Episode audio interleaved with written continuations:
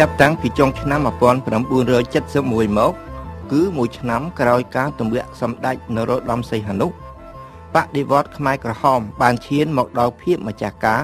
គឺឈប់រណបនឹងកងទ័ពវៀតណាមបន្តទៅទៀតនៅពេលដែលកងទ័ពវៀតណាមកុម្មុយនីសចំនួន40000នាក់ប្រយុទ្ធយ៉ាងស្វិតស្វាញនឹងកងទ័ពឧត្តមសេនីយ៍យួនណុលសៅរត់សហៅពពតបានឆ្លៀតឱកាសបង្ហាត់វឹកវើនកងទ័ពរបស់ខ្លួនឥតឈប់ឈរ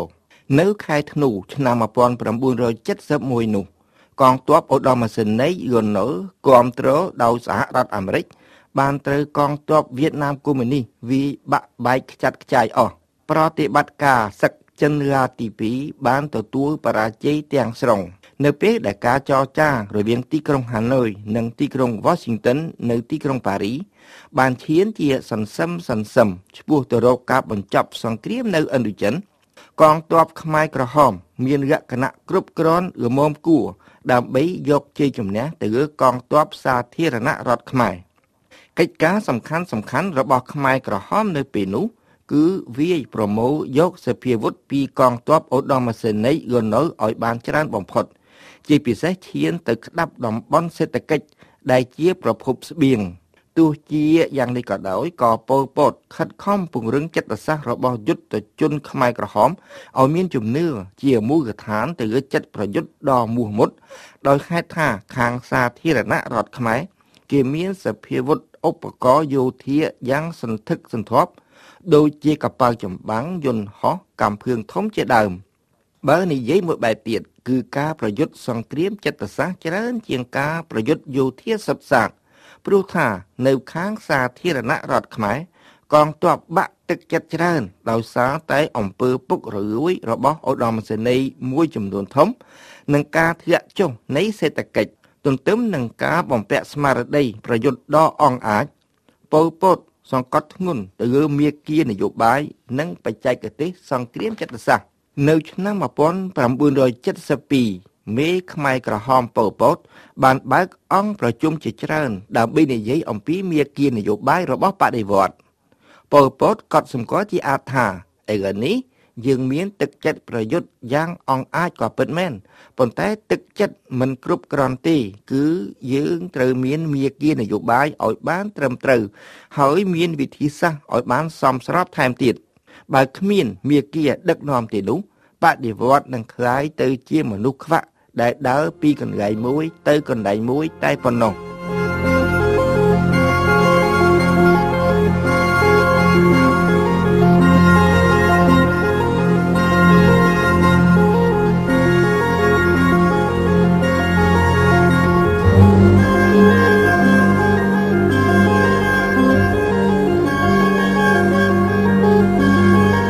នៅឆ្នាំ1971ប៉ុលពតបានបង្កើតតំបន់រដ្ឋបាលពិសេសជាច្រើននៅផ្នែកនិរតីនៃទីក្រុងភ្នំពេញ គឺបើគិតពីផ្នែកខាងត្បូងទៅផ្នែកប្រចាំគេបានកសាងមូលដ្ឋានចំនួន10គឺមូលដ្ឋានទី15ទៅទី25ប៉ុលពតបានប្រគល់ការគ្រប់គ្រងតំបន់ទាំងនោះ ទៅឲ្យមិត្តជិតស្និទ្ធរបស់គេម្នាក់គឺសុកធក់ដែលមានឈ្មោះមួយទៀតថា Von Wade ប៉ុន្តែក្រោយមក នៅពេលដែលប៉ុលពតក្តាប់អំណាចបានទាំងមូលប៉ុន្តែត្រូវប្រឈមមុខនឹងការបះបោរនៅក្នុងជួរបដិវត្តសុកធួបានត្រូវប៉ុលពតយកទៅធ្វើទារុណកម្មនៅគុកទួលស្លែងនៅពេលនោះ ប៉ុលពតកំពុងធ្វើការបោសសម្អាតផ្ទៃក្នុង ដើម្បីប្រយុទ្ធកម្ចាត់ឥទ្ធិពលរបស់វៀតណាមនៅក្នុងផ្ទៃបកកុម្មុយនីសកម្ពុជា បន្ទាប់ពីបានរៀបចំតំបន់ពិសេសមួយចំនួន នៅឆ្នាំ1971ប៉ុលពតចាប់ផ្ដើមធ្វើការបំពាក់បំពន់មាគ៌ានយោបាយរបស់បដិវត្តដោយលាតសន្ធឹងទៅក្នុងជួរប្រជាជនតែម្ដង ព្រោះប៉ុលពតយល់យ៉ាងច្បាស់ថាបើគ្មានប្រជាជនគ្រប់គ្រងទេនោះ ចលនាខ្មែរក្រហមគ្រាន់តែជាទ័ពចៅព្រៃតែប៉ុណ្ណោះប្រកាសដែលគួរឲ្យកត់សម្គាល់គឺការដែលពពតសង្កត់ធ្ងន់ជាងគេទៅលើការជ្រើសរើសផ្នែកមនោគមវិជ្ជានិងផ្នែកនយោបាយ